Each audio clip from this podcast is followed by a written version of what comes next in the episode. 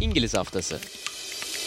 Ada futbolunun sıkışık fikstüründe Çetin Cem Yılmaz ve Arhan Ata Pilavoğlu her hafta Big Six ve ötesini konuşuyorlar.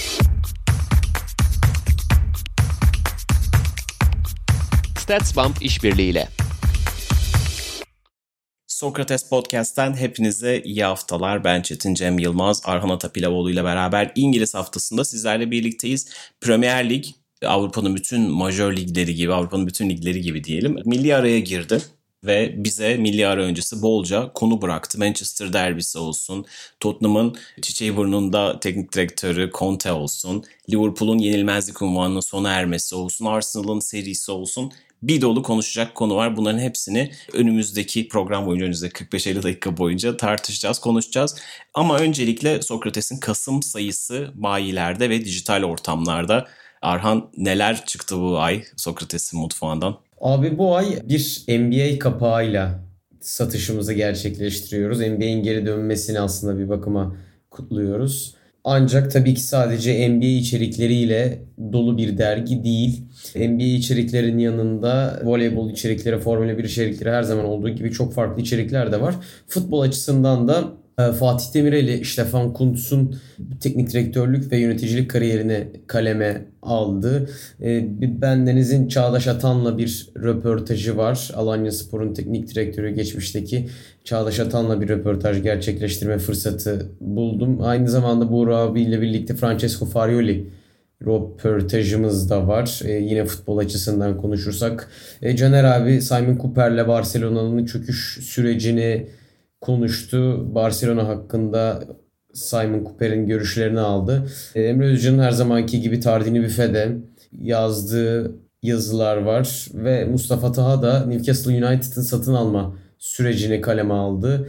Sokrates'in 80. sayısında dediğim gibi her zaman olduğu gibi çok daha farklı içerikleri de bokstan voleybola, voleyboldan Formula 1'e bulabilirsiniz. Umarım bu sayıyı da beğenirsiniz diyeyim. Evet dolu dolu bir sayı. Tam da bahsettiğin gibi işte NBA geri döndü. Ben de burada Raptors maçlarına geri dönme fırsatı buldum. Yani o atmosferi bıraktığımız yerden bulmak iki sene öncesindeki gibi bulmak çok heyecan verici geldi bana. Bu hafta sonu bir MLS maçına da gittim. Toronto FC bu sene çok kötü gerçi ama o maça da gittim. Yani bu hafta hatta Türkiye'de de işte tam kapasite falan filan tartışmaları dönüyordu. Gerçekten yani sahada olmak çok keyifliydi. Umarım artık normale dönmüş oluruz. Ben de dijital ortamlardan Sokrates'in bu sayısını yakalayayım dedim. Gündeme dönelim. Gündemde Manchester derbisiyle başlayalım. Manchester United son haftalarda işte bir iyi bir kötü bir şok bir sonuç alıyor. Bir klas bir galibiyet alıyor işte. Mesela Liverpool yenilgisiyle dibe vurdu derken denirken bir Tottenham galibiyetiyle moral buluyor. Ya da işte Atalanta'dan puanı söküyor ama tekrar ağır bir darbe aldığını söylememiz gerekiyor galiba. Manchester City bir kez daha yani şöyle şu anlamda bir kez daha Manchester United'ı yendi. Son dönemde United belki rakibine daha çok üstünlük sağlıyordu. Fakat bir kez daha iyi şurada açayım. Geçtiğimiz haftalarda Liverpool United'ı yenerken bu bir mesaj. İlk 3 ile United arasındaki açık makas açıldı gibi bir mesaj çıktı diye konuşmuştuk. Manchester City'de sanki bu mesajı biraz vurgulamış gibi oldu. Yani tabelada yazan skor 2-0 ama oyun, felsefe, işte taktik, çalışma anlamında sanki çok daha büyük bir fark söz konusu gibiydi. Tüm istatistiklere de bakıldığında topa sahip olma, şut sayıları falan filan 2-0'ın çok daha ötesinde bir hikaye sundu galiba bize. Öyle abi yani bu Roy Keane'in yaptığı açıklamalara katılmamak bence elde değil. Aradaki farkın çok net bir şekilde ortaya çıktığı bir maçtı. Kendisi Liverpool mağlubiyetinden daha acı verici bir mağlubiyet olduğunu söylemiş ki Liverpool mağlubiyeti çok flash bir mağlubiyetti. 5 gol bir mağlubiyet. Üstüne üstlük çok hızlı şekilde gelen bir 5 gol. Salah'ın şovu yaptığı, taraftarların çok erken çıktı. Ona rağmen böyle bir açıklamada bulunmuş. Bence o kadar kötü bir mağlubiyet değildi. Ama şöyle bir şey söyleyebilirim. Manchester City yani hiç Manchester United'a ya siz bu maça ortak olabilirsiniz, siz bu maçı kazanabilirsiniz ihtimalini dahi vermedi. Bu Manchester City açısından da United açısından da yorumlanabilecek bir şey. Çünkü City bunu bir hedef maçta ilk kez yapmıyor. Bunu Chelsea'ye karşı da yapmışlardı. 1-0 bulduktan sonra Chelsea'nin hareketlendiği bir süreç olmasına karşın O maçta da City net bir şekilde mesajı vermişti. Liverpool maçında da ilk yarıda farklı noktalara gidebilirdi maç. Olmadı. Liverpool ikinci yarı çok iyi başladı. Yine farklı bir noktaya gitti.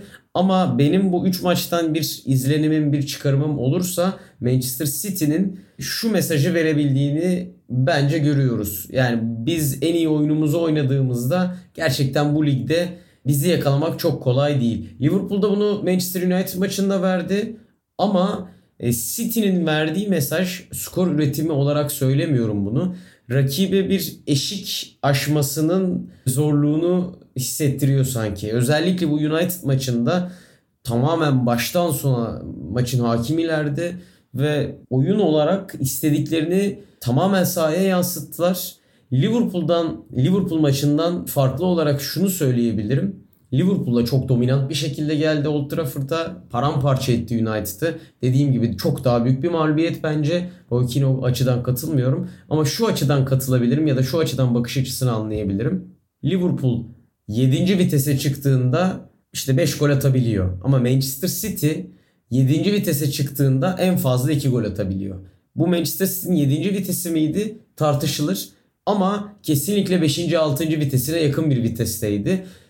Belki inanılmaz üretken değillerdi ama o üretkenlik olsa bile Liverpool kadar rahat bir şekilde gol atamıyorlar.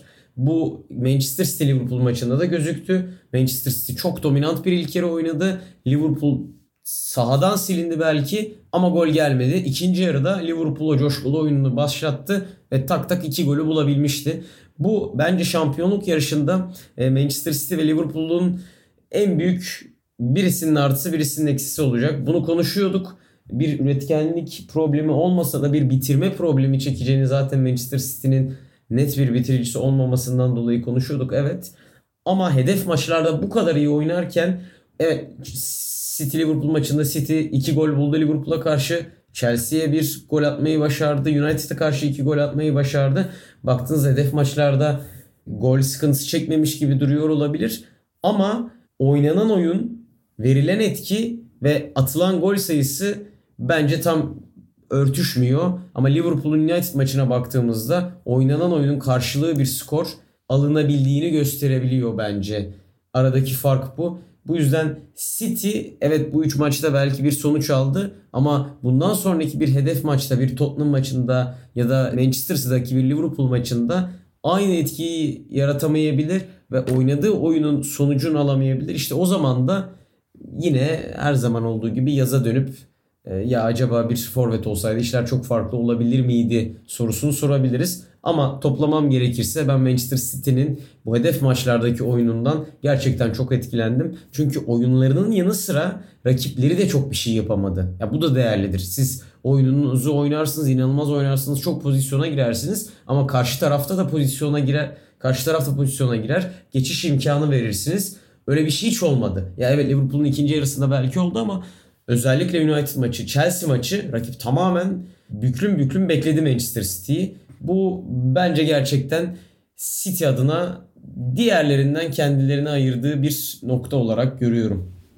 Ben de buradan alayım. Yani bahsettiğin noktalar çok yerinde ve biraz Roy Keane'in yani neyi kastettiğini sanırım anlayabiliyorum. Şöyle ki tabelaya baktığımızda tabii ki 5-0 çok daha ağır. Fakat burada yani 2-0'lık bir yenilgiye karşın Manchester United oyunda gerçekten hiç yoktu gibi. Yani United Liverpool maçında United yine felaket bir görüntü ortaya koydu. Ama orada az da olsa inisiyatif almaya çalıştığı dakikalar vardı. İşte pres yapmaya çalıştı ama işte mesela o pres çok büyük başarısızlıkla sonuçlandı. İlk gol Keita'nın attığı ilk gol öyle, öyle gelmişti. Yani bir pres vardı, bir niyet vardı. Topu rakip kaleye taşıma çabası vardı.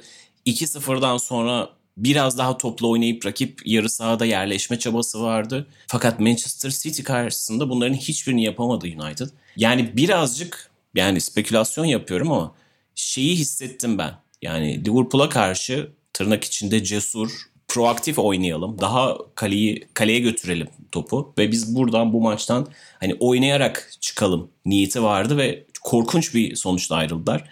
Bu yüzden olabildiğince pasif ve reaktif bir oyunla sahadaydı Solskjaer diye düşünüyorum. Yani maçı biraz hani abartarak biraz hamasi bir laf olacak ama çıkmadan önce kafasında kaybetmiş gibiydi. Yani Liverpool maçına çıkarken bence kazanacağına inanıyordu. O yüzden o kadar atak ve presli bir oyunla sahadaydı. Manchester City karşısında hiç inanmamıştı gibi geldi bana. Hani tabii ki burada spekülasyon yapıyorum. Hani Old Trafford'da çıkılırken oradaki taktik sahasında işte taktik tahtasına ne yazıldı falan bilmiyorum ama sahada oynanan oyundan bana kalan izlenim buydu. Manchester City beni de çok etkiledi ve otoritesini her anlamda hissettirdi. Yani şöyle bir izlenim kaldı bana bu iki büyük maçtan. Liverpool United'ı özellikle fizik, hız ve bitiricilik anlamında yendi. Fakat Manchester City United'ı taktik zeka ve kaliteyle yendi. Yani oyunun tamamına o kadar hükmettiler ki yani 2-0'ın çok daha ötesine bir sonuç çıkabilir. Dediğin gibi bitiricilik konusu soru işareti yaratıyor. Hani bu maça başlan başlanır başlanmaz Eric Bailly'nin pozisyonu yani kendi kalesine atmasa başka türlü gelişir miydi denebilir falan. Ama o gole kadar da 3. dakikada yine bir tane daha pozisyon var. İşte o golün öncesinde İlk, İlkay Gündoğan'ın hani atması beklenebilirdi falan. Yani soruları soruyordu Manchester City. Belki United çok erken bir şekilde kendi kalesine gol atmasa başka bir maç çıkabilirdi denebilir ama çıkmazdı gibi. Tek problem Manchester City'nin o golü bulamaması olabilirdi. Fakat bu kadar baskın oynayınca da işte mesela senin de değindiğin Chelsea maçında olduğu gibi bir şekilde o gol çıkıyor. Yani illa United City'ye 90 dakikada dirense sanki City o golü bir şekilde bulurdu gibi geliyor ki yine farkın açılmasını önleyen isimlerden bir tanesi de David De Gea'ydı. Hani eski günlerini anımsatan iyi kurtarışlar yaptı. Bu anlamda iki takımın arasındaki fark çok çarpıcı şekilde ortaya çıktı gibi. Ve evet Manchester City bu hafta iki tane direkt rakibinin de puan kaybetmesinin de etkisiyle yani şampiyonluğun hani bu ligin hala en büyük adayı, şampiyonluk adayı benim mesajını verdiği gibi geliyor bana. Ben sezona biraz daha Chelsea bu işi götürecek diye düşün, düşünerek başlamıştım. Yani Lukaku ve Werner'in sakatlıkları da pay sahibi oldu. Şimdi orada haklarını yemeyeyim. Yani biraz şanssız oldu iki forvetlerin de sakatlanması. Fakat ne kadar olsa Chelsea'nin oyunu birazcık daha az şampiyonluk oyunu gibi gelmeye başlamıştı. Yani mesela Brentford maçında 1-0 bitti o maç ama o maçın hissedilen derecesi 1-1'di ya da daha başka bir skordu. O gün Mendy onları kurtarmıştı. Tam tersi bir sonuçta bu sefer alındı. Çünkü futbolda böyle şeyler olur yani. Birbirini dengeler genelde bu tip şeyler. Burnley karşısında çok daha koparabilecekleri bir maçta puan kaybı yaşadılar. Futbolda her zaman her şey istediğiniz gibi gitmez. Her, yani dolayısıyla kendi içerisinde bir adaleti demeyeyim ama bir düzeni, bir kaosun içerisinde bir dengesi vardır meselesi gibi Chelsea'nin de puan kaybetmesi o kadar büyük sürpriz olmadı. Bütün bunları değerlendirdiğimizde Manchester City bana bu maçları kazanabilmesiyle oyunları her şey, her şekilde her seferinde dikte etmesiyle bana evet şampiyonun en büyük adayı gibi göründü. Bahsettiğin maçlar da çok değerli. Chelsea karşısında çok dominantlardı. Chelsea'ye hiç inisiyatif tanımadılar. Liverpool maçı enteresandı. İki takımın da ayağına gelen bir maçtı ve yani Liverpool'un ayağına daha çok geldi aslında enteresan şekilde. Yani oyunun tek dominant tarafını 30-45 arasında Manchester City oynadı gibi. Yani asıl dominant tarafını. Ama orada koparamadı. Liverpool sonra bu sefer öne geçti. Kevin De Bruyne'ın golü belki biraz daha şanslıydı çünkü hani en iyi vuruşunu yapmamıştı. Fabinho'nun da ayağına geldi maç. Bir şekilde Liverpool o maçı da koparabilirdi ve oradan 2-2 ile çıkması çok daha hani enter şeydi yani. Birazcık daha işler istediği gibi gitti Manchester City'nin diyelim. Ama bütün bunlara bakıldığında direkt rakipleriyle oynadığı bütün maçlarda belirgin bir inisiyatif alma, kendi oyununu oynayabilme ve sahadan istediği sonuçla dönebilme alışkanlığını görünce evet Manchester City şu anda sıralamada ikinci sırada dahi olsa şampiyonun en iyi, en büyük adayı olduğunu bana hissettirdi. Benim fikrimi değiştirmeye yetti diyebilirim. Doğal sayılar. Bu hafta doğal sayılarda da Manchester City'ye dair bir verimiz var galiba değil mi Arhan? Evet abi hemen StatsBomb'dan aldığım veriyi paylaşayım. Şöyle bağlayayım aslında. Maçta Manchester City'nin yapmak istediği şeyleri çok rahat bir şekilde yaptığını gördük. Yani United'ın bir şeyler yapmak istiyor ama yapamıyor derecesinde bir çekimserliği vardı. Bunda bence Manchester City'nin oyun, oyun gücü de elbette etkiliydi. Hatta Arsenal Manchester City maçında Arsenal basıyor ama yani neden basıyor? Neden bu kadar geniş alanlar veriyor? Keza United Liverpool maçında da benzer cümleleri kurmuştuk. Belki tam olarak öyle değil ama Manchester City çok rahat şekilde istediği oyunu oynadı. Bu ne şöyle açıklayabiliriz. Ben maçtan önce Cancelo'nun çok etkili olabileceğini düşünüyordum. Çünkü beşli savunmalara karşı hücum etmek pek çok farklı opsiyonu var ama Pep Guardiola maçtan önce şöyle bir açıklama yaptı. Grealish oynamıyor. Çok basit bir nedeni var. Solda sol ayaklı, sağda sağ ayaklı bir oyuncu oynatmak istiyoruz demişti. Solda Phil Foden'a görev verdi.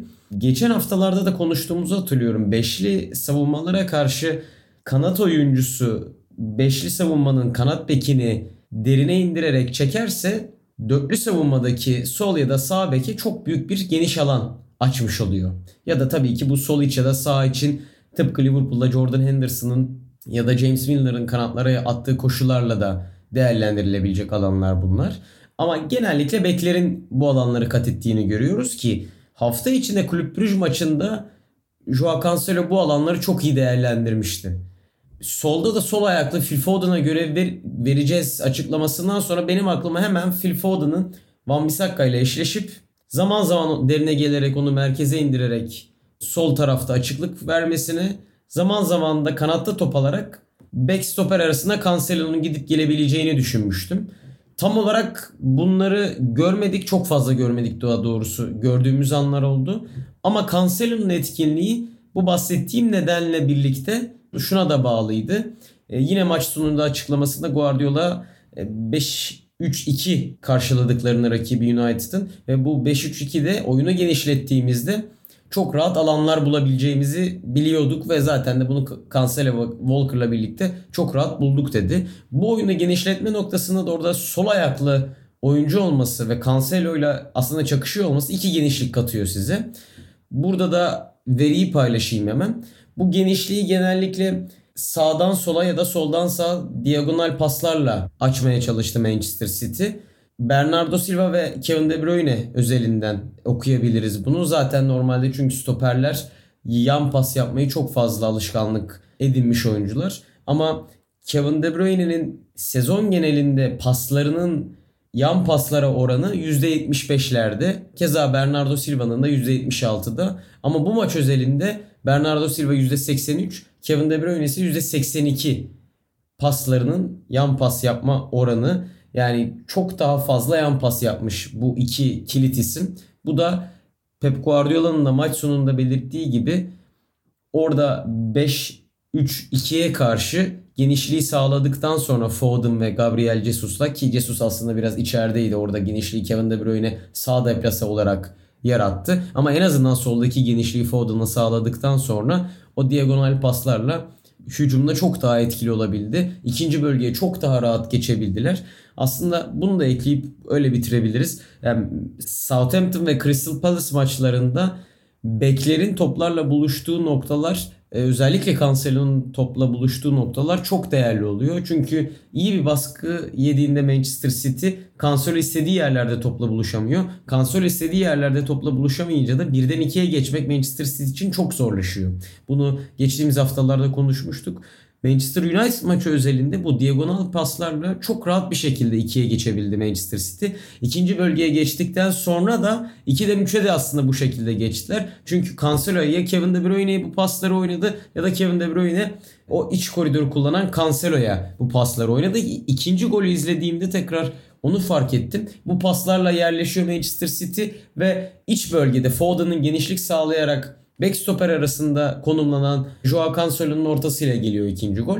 Tamamen planlanmış bir oyun değil ama planlanan oyunun doğaçlamayla birlikte bir tezahürü diyebiliriz buna. O yüzden bu bence etkiliydi maç içerisinde. Pep Guardiola'nın da bahsettiği gibi Manchester United o genişliği rahat savunamadı. Çünkü öndeki iki oyuncusu çok fazla açılarak pres yapabilecek isimler değildi. Onun da bence Manchester City en iyi şekilde faydalandı bu açıklardan. Yani maçın genelinde kesinlikle hak edilmiş bir galibiyet. Kesinlikle çalışılarak kazanılmış bir galibiyet. Hani az önce de konuştuk zaten çok net alınmış bir skor var ortada. Diğer gündem maddesine geçmeden önce bu söylediklerim bana bu hafta sen Twitter'da bir şey paylaşmıştı onu anımsattı. Guardiola'nın ve Tuchel'ın farklı farklı dönemlerde kanatlarda ve kenarlarda diyelim ters ayaklı oyuncu oynatma üzerine görüşlerinin görüşlerini paylaştı. Ben kısaca sana şey yapayım bunu anlatmakta fayda var diye düşünüyorum. Çünkü böyle detaylar futbola dair izlerken kumuzu açan detaylar. Chelsea Malmö karşısında oynarken Şampiyonlar Ligi'nde Hudson-Odoi ve Ziyech'in kanatlarını değiştiriyorlar devre arasında. Tabii ki kanat değiştirme dünyada ilk kez yapılmıyor. Fakat Tuchel'ın bunu öyle hani tatlı ve basit şekilde anlatışı var ki çok hoşuma gitti. Sen paylaşmıştın o şekilde gördüm. Oyuncuların ters ayaklı olmalarını bazen işte bir saniye daha doğrusu hani böyle saniyenin e, milisaniye onda biri kaybettirdiğini dolayısıyla o sırada bütün takımın tekrar savunma pozisyonuna yerleştiğini anlatıyordu. Çok hoşuma giden, giden bir detay oldu. Kesinlikle abi benim de çok gerçekten hoşuma gitmişti. İlk ben Tuel'de değil paylaştığım gibi Guardiola sanırım Leicester maçından sonra söylemişti bunu. Bernardo Silva ve Jack Grealish'in uyumu üzerine sorulan bir sorudan sonra ya Bernardo'yu orada oynatıyoruz çünkü içteki ya da kanattaki bir oyuncu doğal ayağıyla o kanatta oynadığında ceza sahası içerisine girdiğinde çok daha rahat orta açabiliyor. Bu cümleyi kurdu. Aslında bağlası muhtemelen şöyle bağlayacaktı. O açtı ortalarla da ters kanatta Cesus'u çok rahat bir şekilde buluşturabiliyoruz. Çünkü hızlı bir şekilde açtığında soldan top sağa döndüğünde rakip bir anda Cesus'u demarke bırakıyordu ve Cesus çok rahat bir şekilde golle buluşuyordu. Norwich maçı bunun en iyi örneklerinden biri. Leicester maçı, Arsenal maçı hep oralarda Cesus topla buluşabilmişti. Orada sol ayaklı değil de sağ ayaklı bir oyuncu oynattığınızda topu sol ayağından sağ ayağına çekmek zorunda kalıyor. Ve o birkaç saniyede de savunma çok daha rahat yerleşiyor ve Cesus'a çok net bir şut imkanı tanımıyor. Sadece Cesus özelinde değil genel olarak bunu iki hoca da çok güzel bir şekilde özetlemiş ve oyunun aslında hani bu iyi bir şey mi kötü bir şey mi istenilen bir şey mi bilmiyorum ama gerçekten Formula 1 kıvamında dediğin gibi abi onda onda bir saniyelere kadar detay üzerine düştüğü bir çağda geldik sanki. Evet yani futbolda oyuncuların da çok fazla inisiyatifine bırakılan işte o büyülü anlar vardır. Fakat bazen özellikle bu günümüzde futbolu izlerken ve o teknik adamların açıklamalarını okurken o kadar fazla detaylar üzerine kafa yorulduğunu hissediyorum ki. Yani bazı takımlarla bazı takımların arasındaki fark çok net ortaya çıkıyor gerçekten. Bunu daha iyi anlıyor insan. Mesela işte Manchester United'ın yaşadığı problemler de biraz bununla alakalı gibi. Hani yıldızların yaratıcılığına, inisiyatifine çok daha fazla kalmış bir takımla detaylar üzerine hani obsesiflik derecesine kadar ilgilenen teknik adamların takımı arasında bir fark ortaya çıkıyor. İzlerken bile bunun hissiyatına varabiliyorsunuz. Sonra zaten açıklamalarla da çoğu zaman destekleniyor bu. Obsesif ve usta teknik adamlar demişken konuyu da buradan herhalde Conte'ye bağlayabiliriz. Tottenham biraz geçen haftaki programda konuştuklarımızı biraz taca çıkardı ama biraz konuşurken de o şerhe düşmüştük. Yani biz hani Nuno Santo gider mi? Hani gitmesi gerekiyor mu, erken mi falan filan diye konuşurken düştüğümüz şerhlerden bir tanesi buydu. Eğer boşta Conte gibi bir hoca varsa ve onu alabiliyorsanız tamam ama onu alamıyorsanız çok anlamı yok diyorduk ki zaten bizim düşündüğümüzü Paratice ve Daniel Levy de düşünmüş ve çok hızlı şekilde hareket ettiler. Yani biz programı pazartesi günü mü kaydetmiştik? Pazar günü hemen ertesi sabah Nuno ile yollar ayrıldı. Bir gün sonra da yani akşamına Conte haberleri çıktı. Ertesi günde resmileşmişti. Ve Perşembe günü e, Avrupa Konferans Ligi'nde de ilk yani sınavında vermiş oldu. İlk lig maçında da Everton'la oynadı. Şimdi bu iki maçtan çok fazla işaretler alabildik mi diye sorayım ve genel olarak Conte Tottenham'ından nasıl neler bekliyorsun diye topu sana buradan atayım. Abi Conte Tottenham'ından beklediğim şey her Conte takımında gördüğüm şey aslında bir bakıma. Çok hızlı, çok tempolu, çok hırslı, çok basan ve bunu üçlü savunmayla kurgulayan bir Tottenham beklemek bence çok yanlış olmayacak. Ama bunu ne kadar başarabilecek Tottenham bu e, soru işaretlerinden birisi. Çünkü kadro buna ne kadar uygun? Kadrodaki bazı oyuncular bu oyuna uygun mu? Bunları birlikte göreceğiz. Ama şunu rahatlıkla söyleyebilirim Conte adına. Bence günümüzde şu an Duck Rivers özelinde yapılıyor bu NBA'de bu övgü.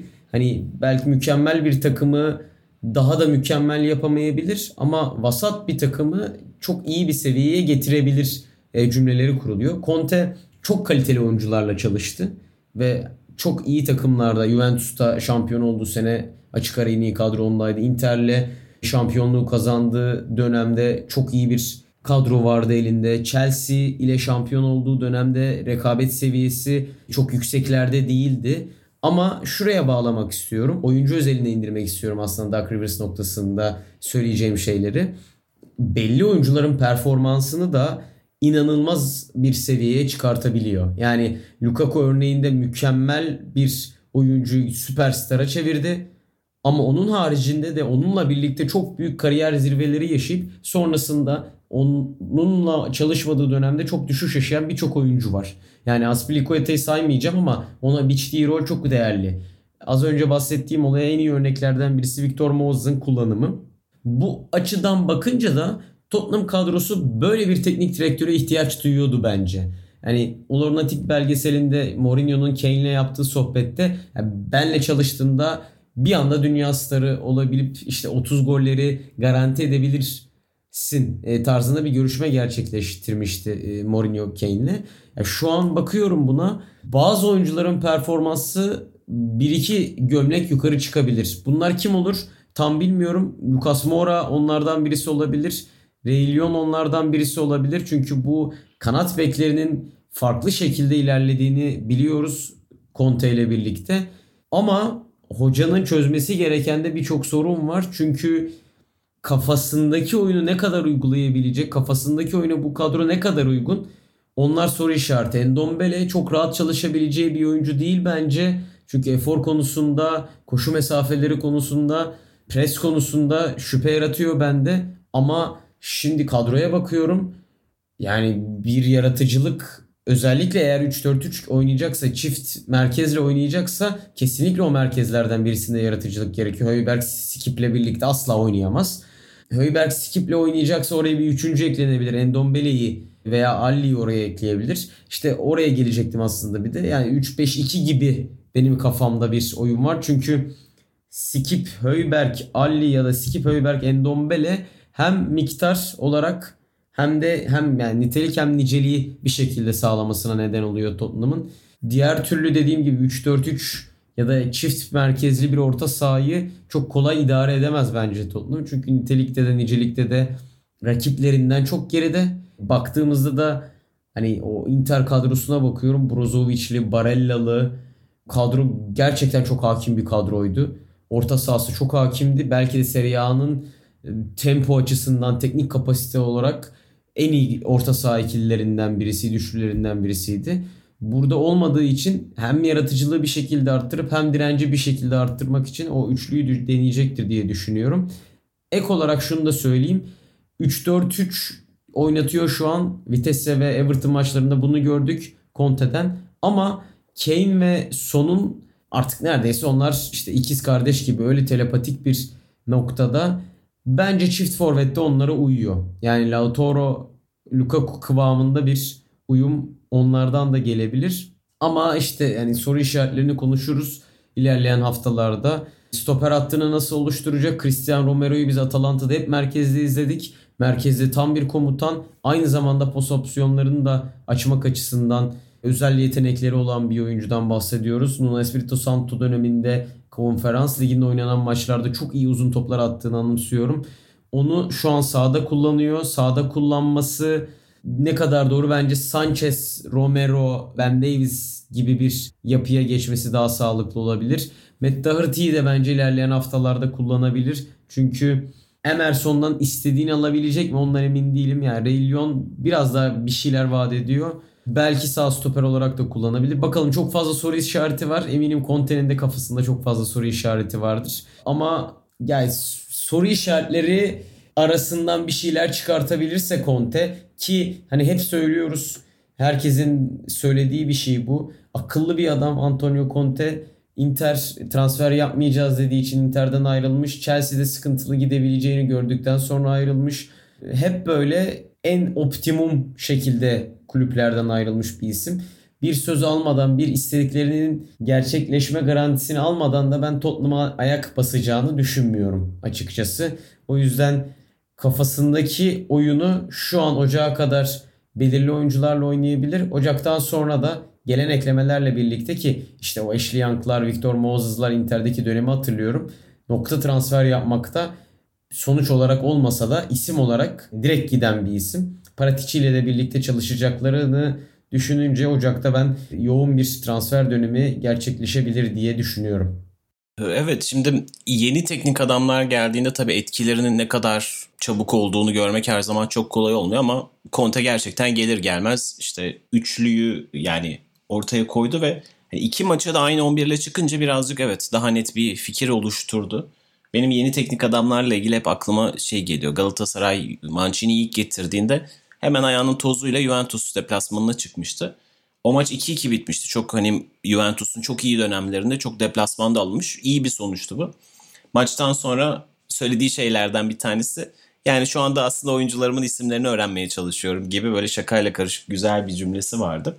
Yani bir teknik adamın bir takıma dokunuşunu katması için belki haftalar, aylar gerekecek ama Conte'nin ilk iki maçından aldığımız evet dediğin gibi hani o üçlüyü Romero, Dyer, Ben Davis'ten kurması mesela bana enteresan geldi. Davinson Sanchez'i iki maçta düşünmemiş olması. Yani Romero kırmızı kartından sonra mecburi olarak Avrupa maçında girdi Davinson Sanchez ama hani Tanganga veya Joe Rodon ya da Davinson Sanchez değil de bu üçlüyü düşünmüş olması ilgi çekici geldi bana. Orta saha bahsettiğin gibi bu dörtlü birazcık üretkenlik sorunları yaşayacak gibi. Endombele'yi bir yerlerde kullanacaktır, bir zaman kullanacaktır gibi geliyor ama evet Hoiberg Skip ikilisiyle başlamayı tercih etti. Klasik olarak da öndeki üçlünün yaratıcılıklarından bir şeyler bulmayı umdu. İler Everton maçı bu anlamda oldukça kısırdı. Yani pek istediklerini üretemedikleri bir maçtı. Milli aradan sonra şüphesiz takımına daha fazla dokunuş yapabilecektir. Tabii milli takımlara giden oyuncular da var ama olsun her her geçen gün yeni takımını, yeni oyuncularını tanıdıkça her geçen gün çok daha başka şeyler gösterecektir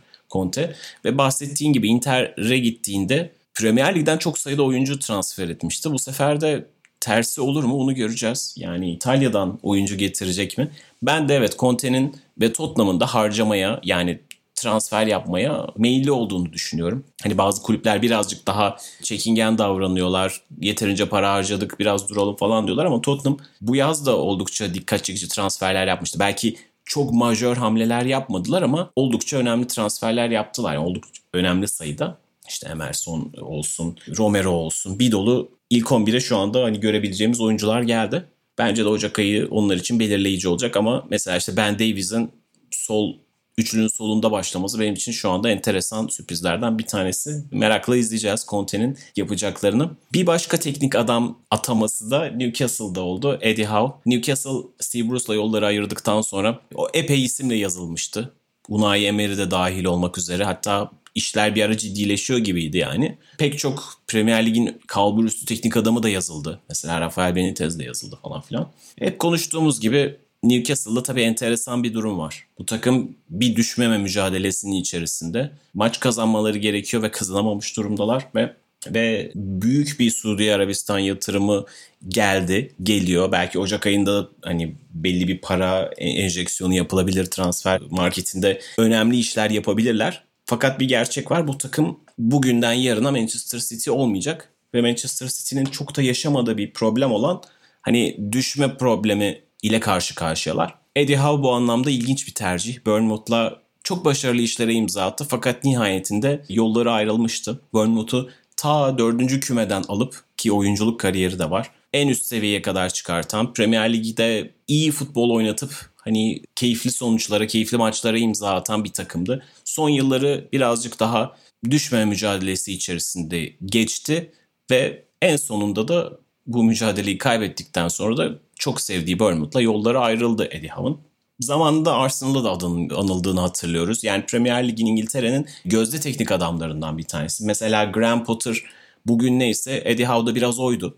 Fakat şu anda çok enteresan bir görevle karşı karşıya. Nasıl buluyorsun bu atamayı? Bana böyle biraz kazanması imkansız bir savaş gibi geliyor şu anki Newcastle ama yani çünkü eğer başarılı olursa ve bu takımı diyelim ki bir yerlere kadar getirdi. iki sene içerisinde görevini çok flash bir teknik adama kaptıracak gibi geliyor. Eğer kaybederse de zaten düşmesi anlamına geliyor. Yani bayağı imkansız bir savaşın içinde buldu gibi geliyor kendini. Ne diyorsun? Abi bence risk ödül grafiğinde başarılı bir tercih. Çünkü dediğin gibi çok muhtemel Ocak ayında gelen transferlerle birlikte inanılmaz bir çıkış yakalasa ve bir sonraki sene yazın yapılan transferlerle birlikte Newcastle farklı bir noktaya gitse muhtemelen şampiyon olamayacağı için yerine artık evet biz yapıyı kurduk ve elit bir teknik direktör getirelim deneyecek. Ama eğer zaten oraya kadar getirecekse Eddie Howe'ın Premier Lig'deki piyasası çok net bir şekilde belirlenmiş olacak. Hem çok büyük oyuncularla çalışmış, üstüne üstlük yapıyı da doğru bir şekilde idare edebilmiş bir talep gören hoca konumuna geçecek. Diğer türlü negatif bir şekilde e, anılırsa da zaten kalitesi belli olan bir hoca yani belli bir seviyenin üstünde bir hoca bir takım düşürmesi ki çok zor bir ihtimal bence bu gelecek transferlerle birlikte ama en azından takım düşürme demeyeyim beklentilerin altında kalma diyeyim. Beklentilerin altında kaldığında da ben yine iş bulabileceğini düşünüyorum. Yani bugün olduğu konum dün bulunduğu konumdan daha iyi bir konum bence. Bir kaybı olduğunu düşünmüyorum Newcastle United'a attığı imza ile birlikte. Ve şöyle de bir artısı var bence Eddie Howe'ın. Yani Eddie Howe ismi çok farklı isimler geçti. Unai Emery ismi geçti. Favre ismi geçti. Frank Lampard ismi geçti. Başka bir sürü isim geçti. Bu isimlerin arasında en düşük profil Eddie Howe. Hem çalıştırdığı takım olsun hem isim olsun hem oyunculuk kariyeri olsun.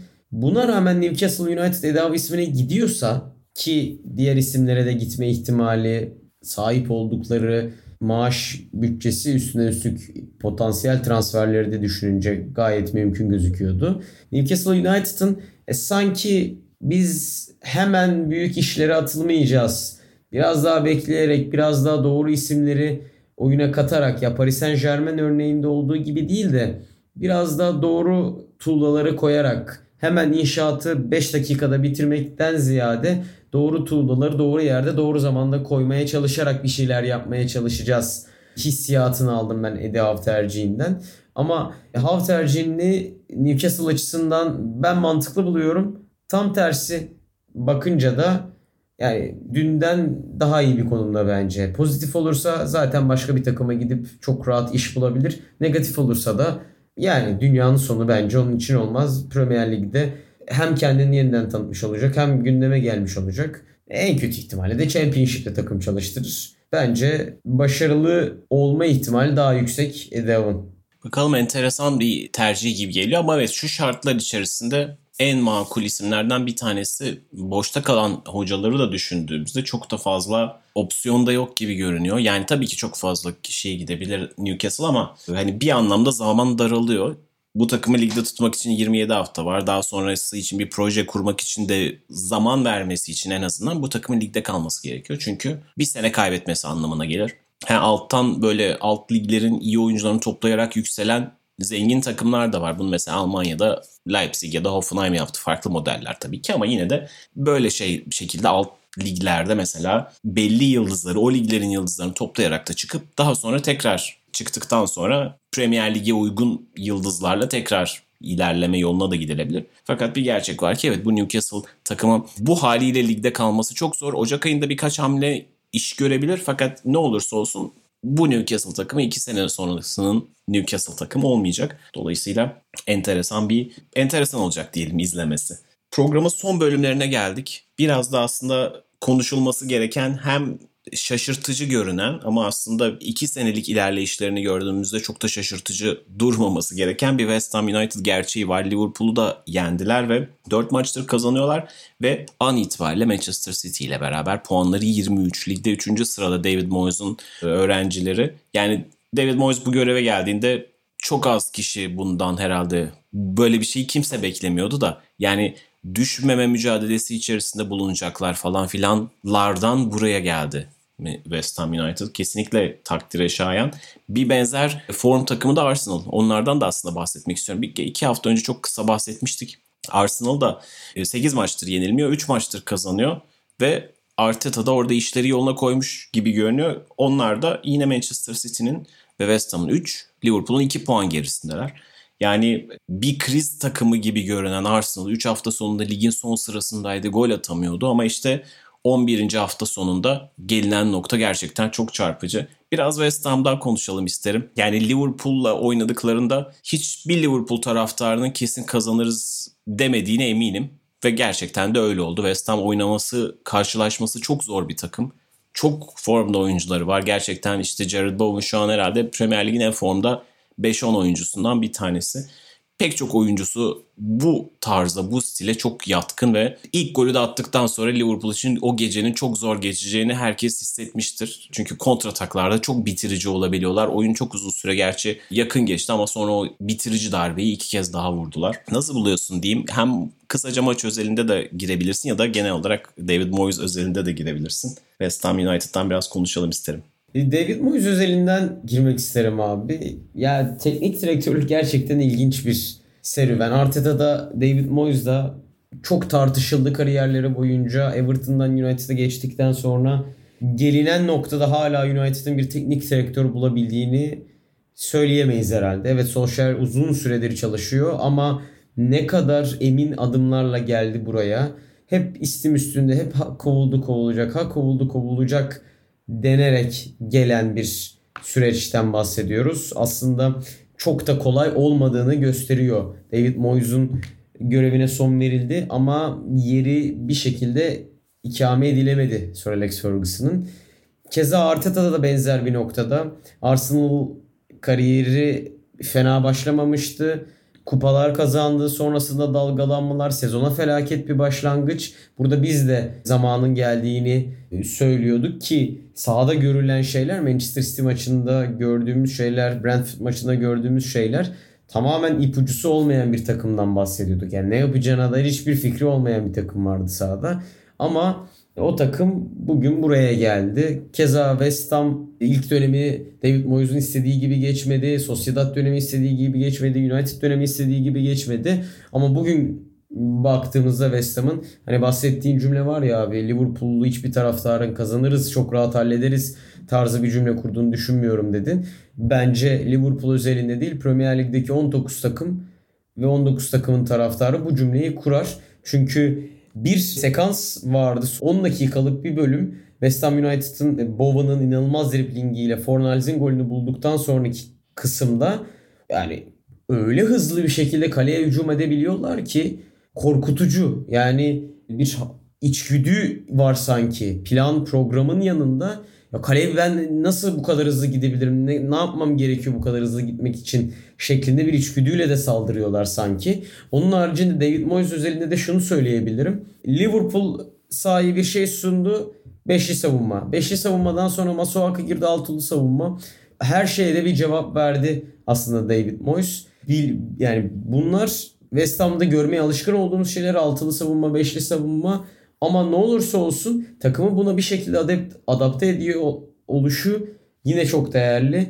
Ortada bir oyun var ve bu oyun Premier Lig'de belki de hani topa sahip olma oyununun en iyi takımı Manchester City diyoruz. Pres oyununun en iyi takımı Liverpool diyoruz. Savunmayı ve kontra presi en uygulayan takım belki Chelsea diyoruz. Bugün de bakınca hem doğru şekilde kompakt kalmayı, hem merkezi kapatmayı, hem fiziksel kalmayı, hem de geçiş oyunu bu kadar etkili oynayan herhalde birinci takım West Ham desek çok yanlış da bir ibare kullanmayız diye düşünüyorum. Evet gerçekten öyle görünüyor çünkü yani ve bu hem bahsettiğin kontra oyunları sahaya koydukları güç ve bunu yaptıkları kadro personel çok çarpıcı. Yani bunu böyle dışarıdan büyük transferlerle yapmayıp hatta tam tersini yapmaları çok çarpıcı. Çünkü Pellegrini döneminde oldukça göz alıcı bir kadro kurmuşlardı. Şimdi 2019-20 sezonun ilk maçında çıktıkları 11'e bakıyorum da yani ileri uçta bu sezon Ajax'la mükemmel bir performans yakalayan Sebastian Halle. Arkasındaki üçlü Yarmolenko, Lanzini, Felipe Anderson. Şimdi Lanzini var sadece hala ama Felipe Anderson ve Yarmolenko'nun yerini işte Jared Bowen ve Ben Rahma almış durumda. Fornals o zaman da kadrodaydı ama şimdi daha çok artık 11'de kendisini görüyoruz. Yani ön ve Sebastian Halle yerine Michael Antonio çok uzun yıllardır bu takımda oynayan. Ta Bilic yıllarından beri burada olan bir oyuncu. Yani bir anlamda çok böyle parlak transferler yapmayıp bu halde olmaları da çok çarpıcı. Ve dediğin gibi işte teknik adamın öyküsü de çok enteresan. David Moyes ilk geldiğinde yani o anons videosuyla bile dalga geçilmişti işte Twitter'ın o nüktedan yapısı bazen çok kırıcı hale de gelebiliyor ama e, Everton sonrası tüm tecrübeleri yani David Moyes'a dair pek bir ışık vermiyordu. West Ham'ı zor bir dönemde ligde tutmuştu ama kısa bir periyodu. Sociedad ve Manchester United özellikle Manchester United çok ağır tecrübelerdi. Şimdi bugün bakıldığında Manchester United'daki başarısızlık da belki onun suçu değilmiş diye insan teslim ediyor. Tabii ki futbol çok fazla değişkene dayalı bir oyun. Yani sahadaki 11 oyuncu, kenardaki işte kadroya giremeyen, ilk 11'e giremeyen diğer 10 oyuncu. Bütün bunların idaresi. Çok fazla şey var yani dönen transferler var, sakatlıklar var. Teknik adam böyle bir sihirbaz değil ve bazı yapılarda bazı hocalar gerçekten potansiyellerini gösterebiliyorlar. Bazen de yürümüyor. Hep insanlar çok kısa sürelerden işte çok büyük sonuçlara ulaşmaya çok meyilli. İşte David Moyes'un gerçekten alay konusu olduğu günleri hatırlıyoruz ve bunun ne kadar şimdi o alay edenlerin aslında alay edilecek konuma geldiğini de görmüş durumdayız. Şüphesiz Premier Lig'de son iki sezonun en çarpıcı hikayelerinden bir tanesini yazıyor David Moyes ve öğrencileri ve Avrupa Ligi'nde de oldukça iyi gittiklerini, yenilgisiz gittiklerini de altını çizelim. Genelde Avrupa Ligi'nde perşembe günleri oynayan kulüpler hep darmadağın olurlar. Yani bütün Avrupa ligleri için geçerlidir. Zorlar yani perşembe pazar ya da perşembe pazartesi oynamak. Bunun ikisini de çok iyi götürebilen çok nadir örneklerden bir tanesi West Ham. Onun da altını çizmek gerekiyor diye düşünüyorum. Şimdi çok konuştuk yine Arteta'ya yine vakit kalmadı ama dönüşte çok büyük bir maç geliyor Liverpool Arsenal. Liverpool hafif sendelemekte puan kayıpları başladı. Arsenal ise çok formda geliyor. Arteta ilk döneminde de çok Liverpool'a karşı ve diğer takımlara karşı da çok diş geçirmişti. Çok enteresan sonuçlar almıştı. Bu anlamda milli ara dönüşü heyecan verici bir maç bizi bekliyor. Günlerin köpüğü.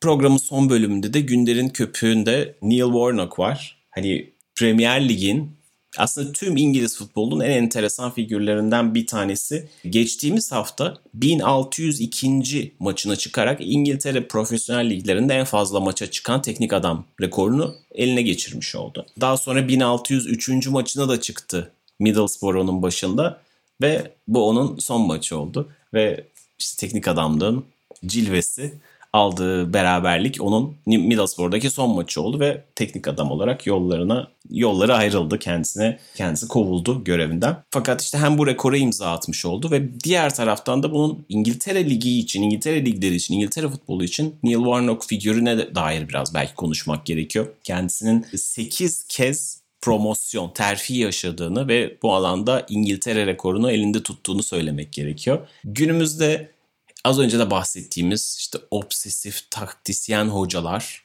kıta Avrupa'sından gelen hocalar çok daha revaçta ve kazanan hocalar da bunlar. Doğru. İşte Tuchel'lar, Guardiola'lar, Klopp'lar ve bu jenerasyon biraz geleneksel İngiliz teknik adamlarının da pabucunu dama atmış durumda. Bu da bir gerçek. Fakat biliyoruz ki İngiltere'de sadece İngiltere futbolu Premier Lig'den ibaret değil. İşte bunun Championship'i de var, League 1'ı, League 2'su da var. Ve burada hala işte İngiltere'de medyasında İngilizce'de proper football man hani eski tip futbol adamları olarak çevirebiliriz. Böyle adamların hala yeri var. Arada çok tartışılsalar da böyle nispeten kısmen David Moyes'un da başına geldiği üzere dalga da geçirseler bu adamlar hala başarılı sonuçları imza atabiliyorlar. Neil Warnock için şu an durum bu olmayabilir fakat kendisini bir ara tekrar çıkışta görebiliriz. Çıkışta görmesek de her zaman e, enteresan demeçleriyle kendisinin böyle çok popüler olmayan bir figür olduğunun farkında olmasıyla ve bunun gibi detaylarıyla işte hakemlere, oyunculara laf atmaktan çekinmemesiyle her zaman böyle figürlere yer olacak açıkçası. İngiliz futbolunun biraz hamurunda var. Öyle ki Neil Warnock'la ilgili şöyle bir ifade söyleyeyim. Bunu da The Guardian'daki yazıdan aldım. Kendisi bir keresinde şöyle demiş. Öldüğümde benim için bir dakikalık saygı duruşu yapmayın, yuhalayın bu bana daha çok yakışır diyen bir figür. Kesinlikle İngiltere futbol tarihine geçerek ve hemen ertesinde de kovularak yine ilginç Neil Warnock vari bir hikayeye imza atmış oldu. Middlesbrough'da yerine geçen isim de Chris Wilder bu arada yine Premier Lig sevenlerin yakından tanıdığı bir isim. Abi sen çok güzel özetledin. Benim de şöyle küçük bir tavsiyem olur. E, Neil Warnock ismini gördüğümde benim aklım her zaman yani sağ içinden çok sağ dışında bir sanki karaktermiş gibi bir futbol dizisinde oynayan bir futbol sitcomunda oynayan bir karaktermiş gibi bir hissiyat veriyor bana. Oyuncularla ilişkisi bahsettiğin örnek de öyle. Ya sanki ofisteki Michael Scott havası var Neil Warnock'ta. Guardiola'nın All or Nothing'deki yaptığı hareketlerle Warnock'ın hareketlerinin ka- karşılaştırıldığı bir video var internette. Guardiola vs. Neil Warnock yazınca YouTube'da falan bulabilirsiniz muhtemelen. Twitter'da görmüştüm ben. E, gerçekten izlediğim en komik videolardan birisi. Çok güzel editlenmiş. Yeri gelmişken söyleyeyim bu videoyu da tavsiye edeyim. Orada hocanın tavırları, hareketleri, oyuncularla iletişimi dediğim gibi sanki bir gerçekten teknik direktör değil de kamerayı bilip ona göre bir aksiyon alan karakter hissiyatı yaratmıştı bana ilk izlediğimde. Ben de kayıt sonrasında hemen izleyeyim çünkü izlemediğim bir videoyu da bulayım. 73 yaşında olacak gelecek ay ve yani inanıyorum ki son sözünü söylemedi. Bundan 2-3 sezon önce Cardiff City'yi de Championship'ten Premier Lig'e taşıdığını ve orada tutamasa bile o çok kısıtlı imkanlarla elinden geleni yaptığını hatırlıyoruz. Hala bir yerlerde belki Championship'te olmasa da League One'da falan filan çıkmaya uğraşan bir kulüp mutlaka kapısını çalacak çünkü onun onun da işi bu. Dinlediğiniz için çok teşekkür ederiz. Bizden bu haftalık bu kadar. Milli ara veriyoruz fakat İngiliz haftası gelecek haftada karşınızda olacak. Bir toparlama bölümüyle diyelim bir özel bölümle biz tatil yapmayacağız. Tekrar görüşmek üzere. Hoşçakalın. Hoşçakalın.